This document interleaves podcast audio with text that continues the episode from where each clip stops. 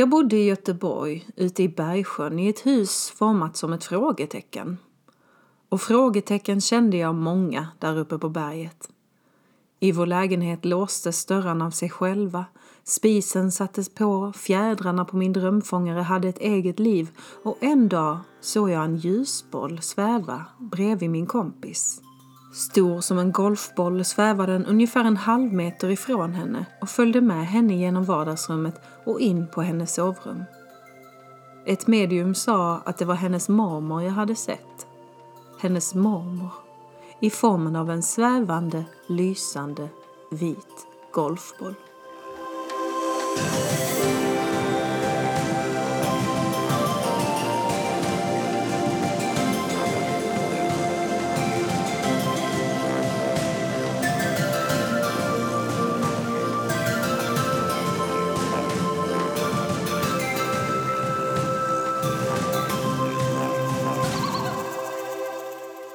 Jag heter Nina Therese Persson och det här är Finns det mer? En podd som utgår från mitt eget sökande efter både någon slags mening och en mer spännande verklighet. Spännande som i magisk, inte kan vi få in lite fler actionscener tack. Jag är en väldigt flamsig och tramsig person, men under det ligger det där djupa som ni nu alla by now förmodligen förstått. Och i det här avsnittet ska jag prata om min egen lilla resa och hur jag kom till den platsen där jag är idag. Med en podd om övernaturligheter och med frågan Finns det mer? Holy macaroni, det känns väldigt intimt. Intimt som i privat, inte nu släcker jag lamporna och tänder ljusen intimt. Och först och främst måste jag slå ett slag för magkänslan. Som jag tycker är en magisk, nästintill övernaturlig grej. Den är som en lögndetektor, en djurliknande intuition, ett vetande som kan lämna ledtrådar på vad som komma skall. Och att den gör det tycker jag är magiskt. Vi alla har den. Vi måste bara lära oss att känna igen vad som är magen och vad som är den där rädda, var beredd på allt-hjärnan vars uppgift är att skydda dig, vars uppgift är att leta upp eventuella faror. Tänka, klura, analysera, överanalysera för att hålla dig säker. Magen är lite mer chill. Har man inte tänkt på skillnaden mellan hjärna och magkänsla innan låter kanske detta som ren rappakalja. Och det tog många, många år innan jag lärde mig att lita på min. Många år av jag testar att göra exakt tvärtom mot det magen säger bara för att se vad som skulle hända då. Eller klassikern att inte lita på magkänslan för det den säger är tvärtom till det man vill. Den kanske säger oj oj, den här killen är inte så dreamy som du tror han är. Det är han visst, tänker du, och sen BAM! Ligger du förbryllad i sängen med tårar och glass på täcket. Jag ska dra några magkänsleexempel från mitt eget liv under de senaste åren som bekräftat för mig att det är en grej. Jag bodde i Stockholm under pandemitiden 2020 och 2021. Inget hände. Jag hade ganska nyligen examinerat mig från Balettakademin i Göteborg där jag läst till musikalartist och nu satt jag i kassan på Hemköp Hornstull med en hostskärm mellan mig och kunderna. Kontrasten från de sjungande charmiga kompisarna och livet på BA till kassabandet där Ragnar, 82, står och kämpar med kortterminalens små knappar med hans coronaskyddshandskar var ganska stor. Vitlök 74609, banan 94011, tomat 4806 eller är det kanske kvisttomat 4807? Inspirationen och livsgnistan var på topp. Men den där magkänslan slog ungefär i januari 2021 till. Det kommer hända något kul i höst. Jag vet det. Håll ut, i höst blir det kul. Men jag visste inte vad för slags kul, eller hur, eller när. Jag visste bara att något stort, något exalterande skulle hända, enligt min mage. Men tiden gick och jag gick och väntade på vad den där grejen skulle bli. Men den uppenbarade sig inte. Jag kände mig väl lite lost och ogrundad så jag tänkte att jag måste landa någonstans. Och jag ska landa hemma i Skåne. Så jag lämnade min 19 kvadrat lägenhet på Zinkensdamm och flyttade pick och pack hem till mamma och pappa. Jag hade fått ett jobb på ett Hemköp i Laröd och skulle nu i lugn och ro hitta någonstans att bo i Malmö. Det var september. Frustrationen över att den exalterande händelsen inte hade visat sig var stor och jag minns att jag grät ner i gräset hos mamma och pappa efter mitt första pass på Hemköp i Laröd. Ännu en kassa, ännu en hosteskärm. Jag tände många brasor på kvällarna i trädgården under vårt magnoliaträd och på en av kvällarna trillade in ett mejl. Jag hade under sommaren sjungit på något som hette A Musical Night Out i Forsvik och nu ville regissören till det att jag skulle göra en videoaudition för en turné i Tyskland. En turné som skulle gå av stapeln redan i oktober. Jag sjöng två låtar och skickade in. En vecka gick och regissören sa att nu stod det mellan mig och två andra. Om du någonsin gjort en audition eller arbetsintervju och väntar på svar så vet du att den här väntan är olidlig och det går inte att tänka på någonting annat. Så när mejlet trillade in att jag hade fått jobbet kunde jag bara gråta. Av glädje och av lättnad. Jag grät, pappa grät, chefen på Hemköp sa “Gud så roligt och du är välkommen tillbaka”. Himla fin chef. Shoutout till Jocke. Två veckor hann jag förbereda mig, sen bad av till Tyskland för att sjunga. The Music of James Bond och jag hade fått sololåtar som Diamonds Are Forever och Goldfinger. Jag fick ha långa glittrande klänningar och åka runt i hela Tyskland med engelsmän, italienare, irländare och jag har nog aldrig i hela mitt liv haft så roliga veckor i följd och mått så bra så många dagar på raken som jag gjorde då. Den exalterande händelsen som skulle hända hösten 2021 hade hänt. Exempel nummer två är mindre kul men är ytterligare en magkänslegrej. Jag var hemma från Tyskland och hade flyttat till Malmö. Ångra att jag flyttat till Malmö och ville tillbaka till Tyskland för att, ja, varför inte lära mig lite tyska? Alternativet var att sitta bakom ännu en hostskärm i någon butik och det var jag inte så sugen på. Så efter två veckor i Malmö flyttade jag igen och åkte till en familj i Tyskland för att leva och bo hos dem, hjälpa dem med ditt och datt och lära mig tyska. Magkänslan däremot hade varnat mig lite. Det kommer hända något jobbigt när du är i Tyskland, hade den sagt. Och jag övervägde om jag ens skulle åka. Jag kanske behövde vara hemma. Men min hjärna bestämde att så kan jag inte tänka. Man måste chansa och leva lite också. Så jag åkte. Och väldigt snart bröt kriget i Ukraina ut. Jag tänkte, där har vi det. Den jobbiga grejen som skulle hända. Men det spelade fortfarande ingen roll att jag var i Tyskland och inte i Sverige. En månad gick och sen fick jag samtalet från mamma att mormor hade gått bort. Och jag bokade biljetten hem till Sverige. När hösten 2022 kom var tanken att jag skulle tillbaka till Tyskland för ytterligare en sväng med The Music of James Bond-turnén. Men återigen knackade magkänslan på och sa att någonting är fel. Någonting är fel, det kommer inte bli av. Jag mejlade regissören och produktionsbolaget för att kolla att allting var okej. Okay. Och ja då, allt går enligt planerna.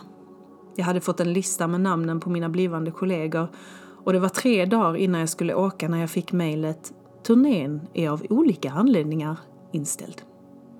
Jag rörde knappt en min. Jag visste ju detta. Men jävel vad jag inte ville att det skulle vara sant. Nu stod jag utan jobb, utan pengar, utan boende. Men jag hade ju rummet hos mamma och pappa och jag visste att vikarier behövs alltid. Så jag började jobba på en förskola i Helsingborg och flyttade så småningom tillbaka till Malmö när jag hade fått ihop lite pengar. Fyra olika förskoleavdelningar hann jag besöka innan jag visste att på den här avdelningen kommer jag stanna. Min mage kände nämligen igen barnen där. Jag kände att jag känner dessa barnen redan. Ni vet den där känslan man kan få när man träffar någon ny. Jag vet vem du är-känslan. Jag minns att jag sa till min roomie att här kommer jag nog stanna. Och dagen efter frågade de mig om jag ville ha ett långtidsvik på just den där avdelningen. Oj, oj, oj. Svenskheten i mig kräks lite på hur skrytig jag låter. Jag vet, jag visste redan det, jag vet allt. kan jag gå och lägga mig?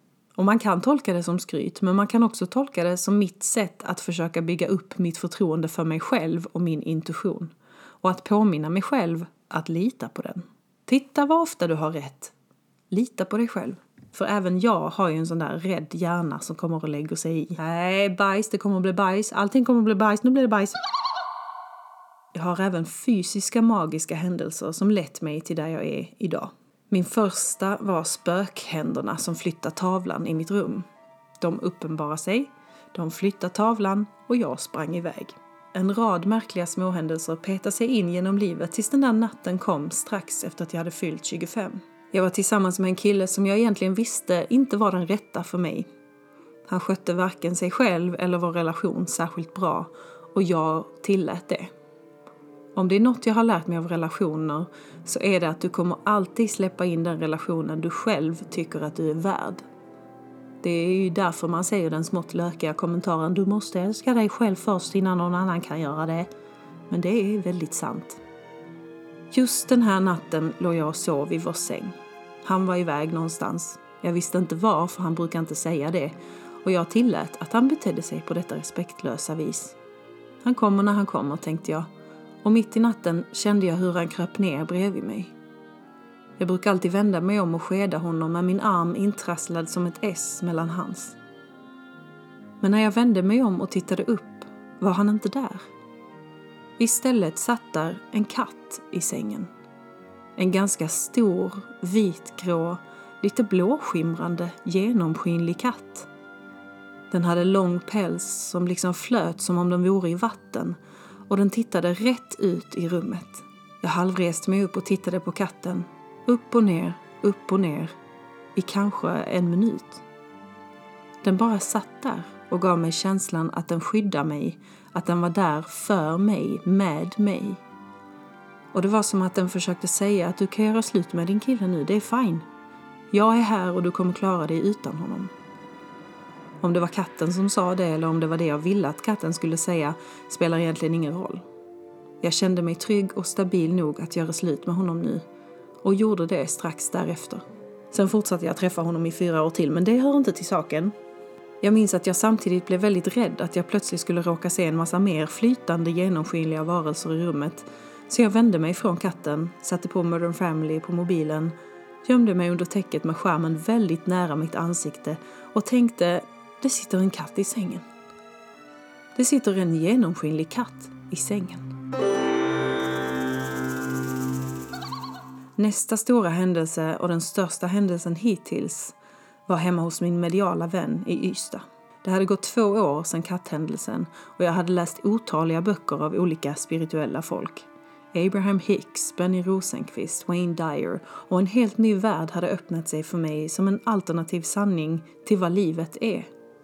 Och jag älskade att leka med tanken att kanske, kanske finns det mer. Jag och min vän hade gått en promenad, vi hade köpt godis och nu skulle vi hem och sätta på Harry Potter och Hemligheternas kammare.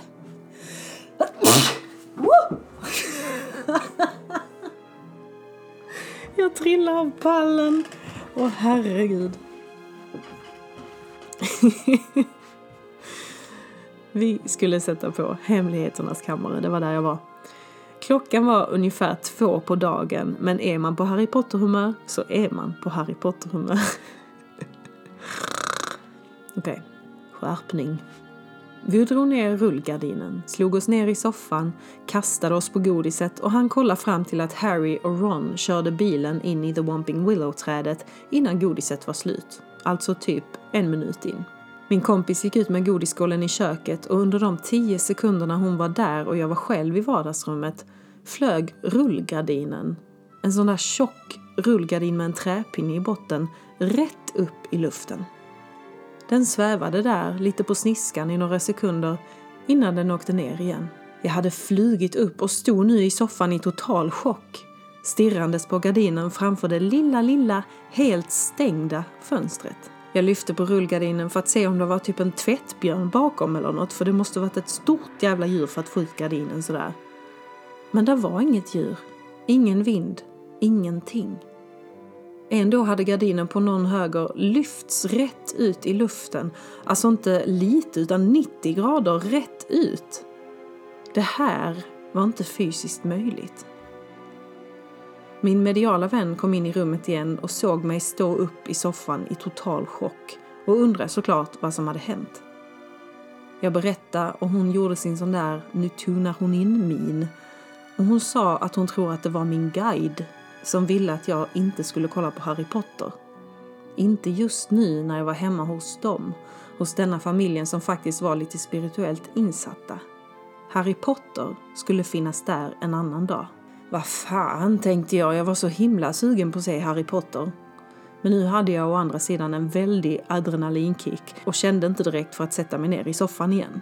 Min kompis pappa kom in och jag berättade även för honom vad som hade hänt. Det spökar inte här var det första han sa. Det är din guide, sa han sen. Även han medialt begåvad. Sen pratade han om min guides vägnar på ett väldigt uppläxande sätt.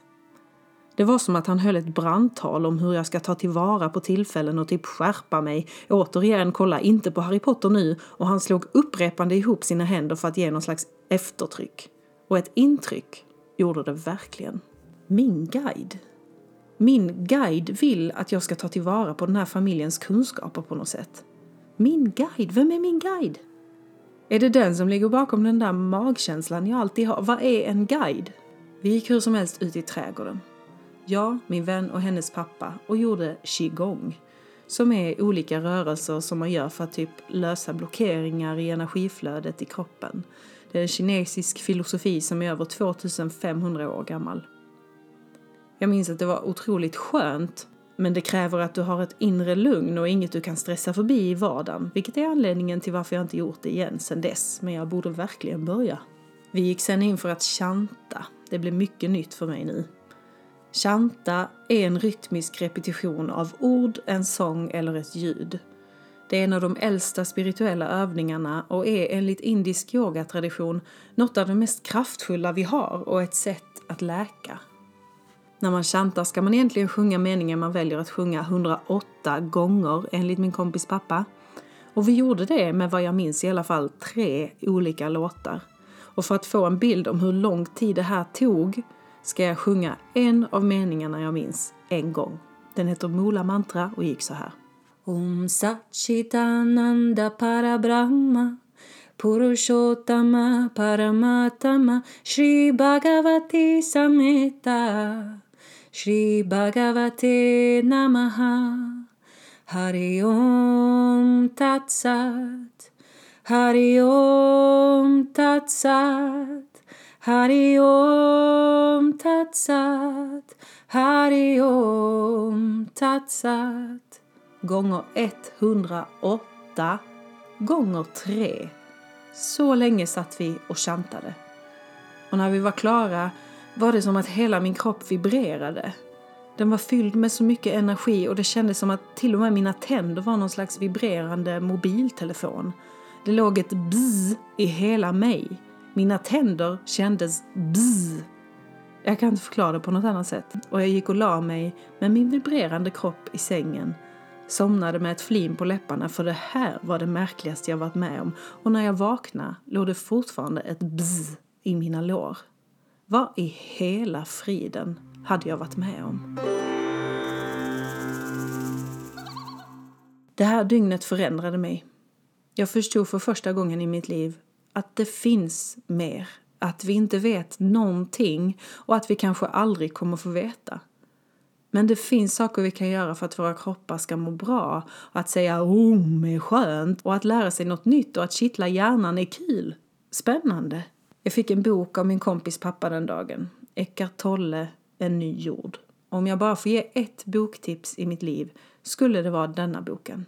Jag läste den den där varmaste sommaren 2018 i Göteborg och fick en sån otrolig inre frid att jag gick runt och bara var nöjd. Jag var så nöjd åt ingenting. Jag satt vid en gul husvägg i Helsingör den sommaren och bara var och det kom fram en tant som frågade om jag var okej. Okay. För så bra mådde jag att hon trodde att något måste vara fel. Hon bara, ser du där, vad fan är det för fel på pien?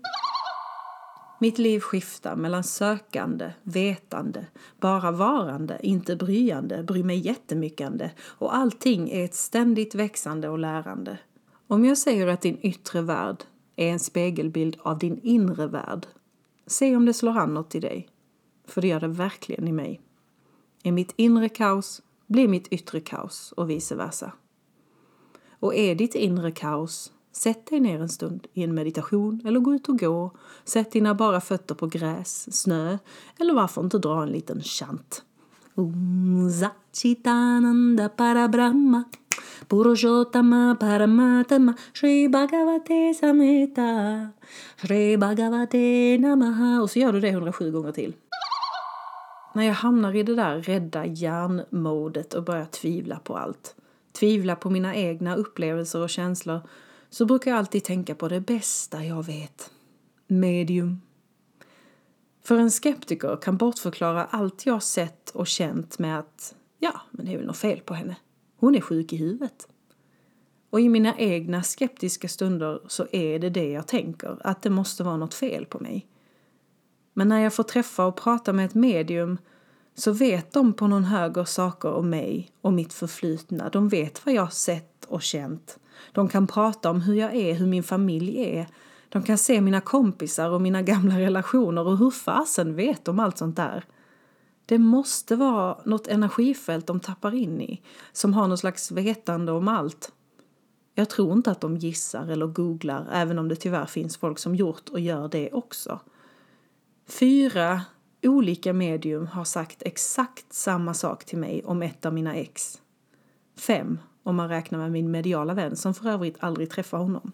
Hur kan fyra, fem medium som inte känner varandra säga samma sak? Och jag ska inte gå in på vad det är av respekt för hans familj, men fyra, fem medium, exakt samma sak. Är inte det övernaturligt om något? Att de känner av honom, en snubbe från mitt förflutna, bara när de tittar på mig? Det är en väldig tröst för mig och för min egen sinnesro att medium finns. Då kanske jag inte är sjuk i huvudet. Då kanske det jag upplever är sant och kanske, bara kanske, finns det mer. Jag tycker det är viktigt att poängtera när man pratar om sånt här som man upplevt och upplever som sanning, att det här är min sanning. Ni behöver inte ha samma sanning som jag. Vad vet jag, vi kanske lever i olika verkligheter på samma jord. Vi vet ingenting. Vi behöver inte alla komma fram till samma svar. Vi behöver bara respektera att du har din sanning och jag har min. Alla dessa händelser och upplevelser har lett mig till där jag är idag med en undersökande podd om övernaturligheter. Dels för att försöka bli klok på det jag själv upplevt och dels för att det helt enkelt är underhållande och väldigt kul att klippa. Bara en sån sak. Jag får förresten be om ursäkt för förra veckans avsnitt där det hade försvunnit en bit om änglamakerskan i Helsingborg om hur hon blev upptäckt. Det som hände var att en av mammorna hade kommit och knackat på och ville träffa sitt barn som ju änglamakerskan hade dödat. Och då kokade änglamakerskan ihop en liten lögn och det var det som försvann från avsnittet, att mamman knackade på. Så dumt, för det var första poddavsnittet som jag inte kontrolllyssnade på. Jag tänkte det blir alltid rätt och så blev det fel. Så jag måste fortsätta lyssna igenom allt innan jag klickar sänd. Tack snälla ni för att ni tagit er tid och lyssnat på min berättelse. Jag ska också ta mig tid att lyssna på den nu så att det inte blir något fel. Och som vanligt kan ni skicka in era berättelser till min mail nina outlook.com eller till min TikTok eller Instagram nina.therese.persson. Jag har mycket jag fortfarande vill undersöka. Jag får aldrig nog av spökhistorier. Jag vill höra och lära mig om healing, om vad fasen guider är, om drömtydning, numerologi, astrologi, hypnos, tidigare liv, utomjordingar i rymden, på jorden, kristaller, auror. Listan är väldigt lång. Och tur är det väl då att jag har er. Och podden Finns det mer?